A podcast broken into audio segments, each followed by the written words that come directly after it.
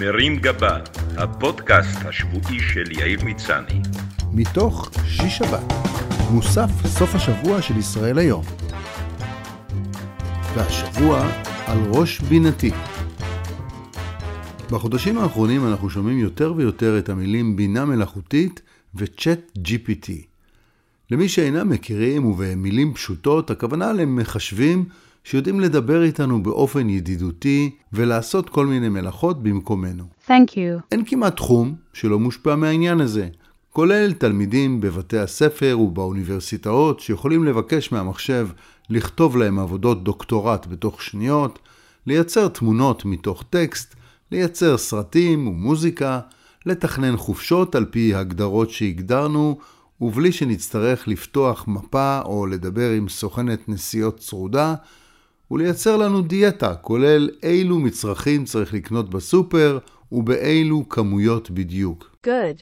אם כי הבינה המלאכותית עדיין לא יודעת לעצור אותנו כשאנחנו מתגנבים למקרר בשתיים בלילה כדי לקחת עוגה מלאכותית. Yummy, yummy, yummy, yummy, yummy. ועד להכניס תגובה אנושית לבוטים של קופת חולים, כדי שנחשוב שאנחנו מדברים עם מישהו אנושי ולא עם בוט שבחיים לא הייתה לו נזלת. העניין הזה מייצר הרבה התלהבות ומנגד גם התנגדות, והפער בין המתנגדים למתלהבים נעוץ כנראה ביכולת להפליג בדמיון וברצון להתנסות בעולמות חדשים, מול הפחד מהלא נודע והחשש שבסוף הבוט יתפוס את מקומנו בעבודה, ואולי גם בחיי הנישואים. Oh no. בעולם המוזיקה היצירתי יש בשבועות האחרונים דרמה של ממש, כשיצאו שירים חדשים וגרסאות כיסוי לשירים קיימים של אומנים מפורסמים, שהחיסרון היחיד שלהם הוא שהם בעצם לא בחיים. בארץ למשל יצאה גרסה של שיר חדש של עפרה חזה זצ"ל וזוהר ארגוב ז"ל, שבעצם מושר על ידי מחשבים שהם מדמים עצמם לעפרה ולזוהר, ולמדו לחקות את הגוון הקולי של המנוחים. במקרה של עפרה וזוהר זה אמנם נעשה ברשות המשפחות והיורשים, אבל בעולם יצאו בימים האחרונים שירים של שניים מהמוזיקאים הפופולריים ביותר בתבל, דרייק ודה Weeknd, שעדיין איתנו, שעושים שימוש בטכנולוגיית בינה מלאכותית. רק שלאומנים הללו לא היה שום קשר לשירים האלה. הם הופקו על ידי אנשים פרטיים ואנונימיים באמצעות מחשבים, שחיכו את הקולות שלהם כדי שנחשוב שהם באמת שרים. העניין הזה יוצר כאב ראש ענק לכל מי שעוסקים בתחום, בעיקר לאמנים ולחברות התקליטים, שלא רק שלא מרוויחים שקל מהביצועים הללו, הם גם לא עומדים מאחורי השירים, לא כתבו אותם ולא ביצעו אותם, ורק עסוקים בלמחוק אותם במהירות מכל פלטפורמה, ולנסות להסביר שאין להם שום קשר לדבר הזה. זו כמובן לא הפעם הראשונה שהעולם בכלל ועולם המוזיקה בפרט מתקשים להסתגל לחידושים טכנולוגיים שמגיעים בקצב מהיר כל כך. זה קרה כשהגיעו מכונות הייצור במהפכה התעשייתית של המאה ה-18, שינו את פסי הייצור ויצרו התנגדות עצומה. במוזיקה זה קרה ממש לא מזמן, כשהמציאו סינתסייזרים שחיכו את נגינת הכלים האקוסטיים, כשהומצאו מכונות התופים והסמפלרים שהוציאו את המתופפים ממעגל העבודה, וכשהומצאו קובצי ה-MP3 שגרמו לחובבי המוזיקה להחליף ביניהם אלבומי מוזיקה בלי לשלם. כשזה קרה, חברי להקת מטאליקה למשל כל כך איבדו את הצפון, עד שהם טבעו מעריצים של עצמם בעוון שיתוף קבצים. What? חברות המוזיקה מעמידות את קהל הצרכנים מול השאלה באיזה צד של ההיסטוריה אתם רוצים להיות, בצד של אומנים והיצירה האנושית, או בצד של הדיפ פייק, הונאה ושלילת תמלוגים. בהקשר הזה עולות עכשיו סוגיות של זכויות יוצרים, ולא ברור איך מתגמלים את מי שיצרו את היצירות שמהן למדו המחשבים לייצר תמונות ומוזיקה שנשמעים או נראים בדיוק כמוהן. האם סביר שנגרום למחשב לחקות את קולו של מישהו ללא הסכמתו, בעיקר אם הוא כבר לא חי? והאם ולאן אפשר להעביר את כספי זכויות היוצרים, בהנחה שאנחנו לא אמורים לדאוג לעתידו הכלכלי של הרובוט? מוזיקאים רבים דווקא סקרנים לגבי היכולת שלהם להשתמש בטכנולוגיות חדשות, שאולי יסייעו להם ליצור יצירות חדשות בקלות רבה יותר.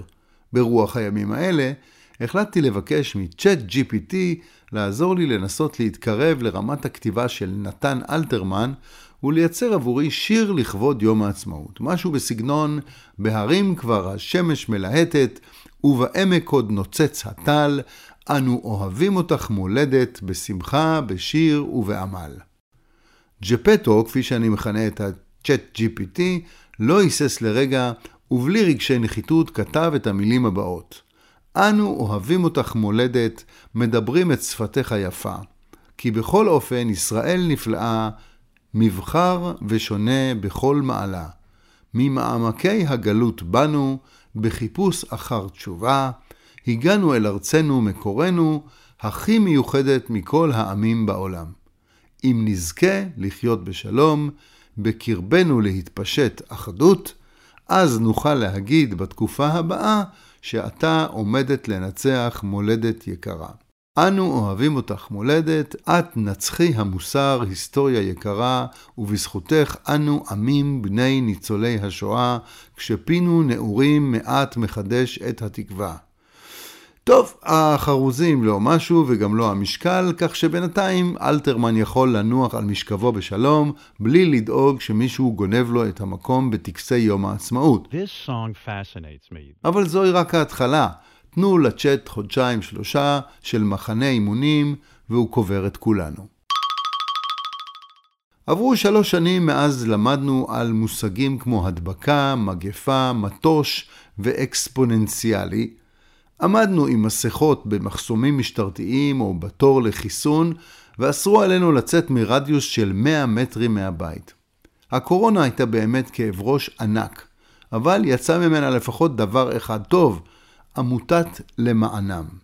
זה לא סוד שבן אדם אחד יכול לחולל שינוי ענק.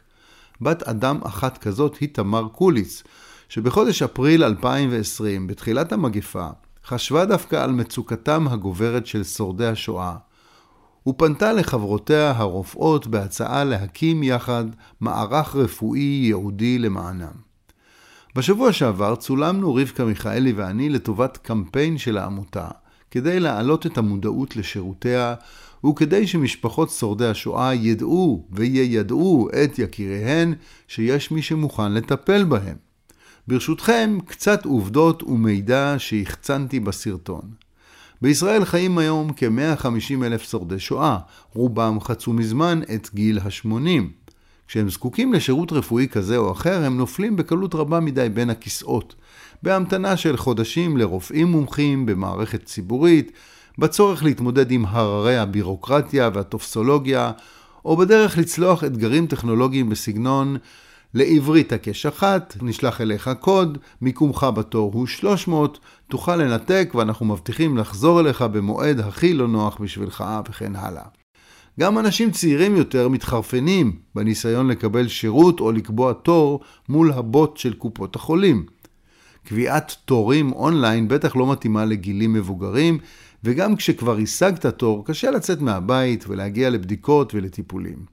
לעתים קרובות יש לדור הזה פחד של ממש מרופאים ומבדיקות רפואיות, שריד לחוויות הקשות שעברו. כל אלה מביאים להזנחה רפואית, פשוטו כמשמעו, ובכל חודש נפטרים בישראל יותר מאלף שורדי שואה, 40 ביום. העמותה שהקימה תמרה הוקמה בדיוק בשביל זה. אלפי רופאות ורופאים מומחים, אמיתיים, לא צ'אט, מכל תחומי הרפואה, שמקדישים מזמנם בהתנדבות מלאה, מתוך תחושת מחויבות אמיתית לאלה ששרדו את הנורא מכל. רפואת מומחים מקצועית ומונגשת בזמני התראה קצרים וללא כל עלות. כמה פשוט, ככה משנה חיים. בקיצור, ספרו מסביבכם על למענם, לחברים, לשכנה, למשפחה, לחבר'ה מהעבודה, כדי שגם הם יוכלו להושיט יד, להגיע ולטפל בכמה שיותר שורדות ושורדים כשהם עוד פה, כשעוד אפשר. חייגו כוכבית 3191 למענם. שבת שלום. מרים גבה, הפודקאסט השבועי של יאיר מצני. מתוך שיש שבת. מוסף סוף השבוע של ישראל היום.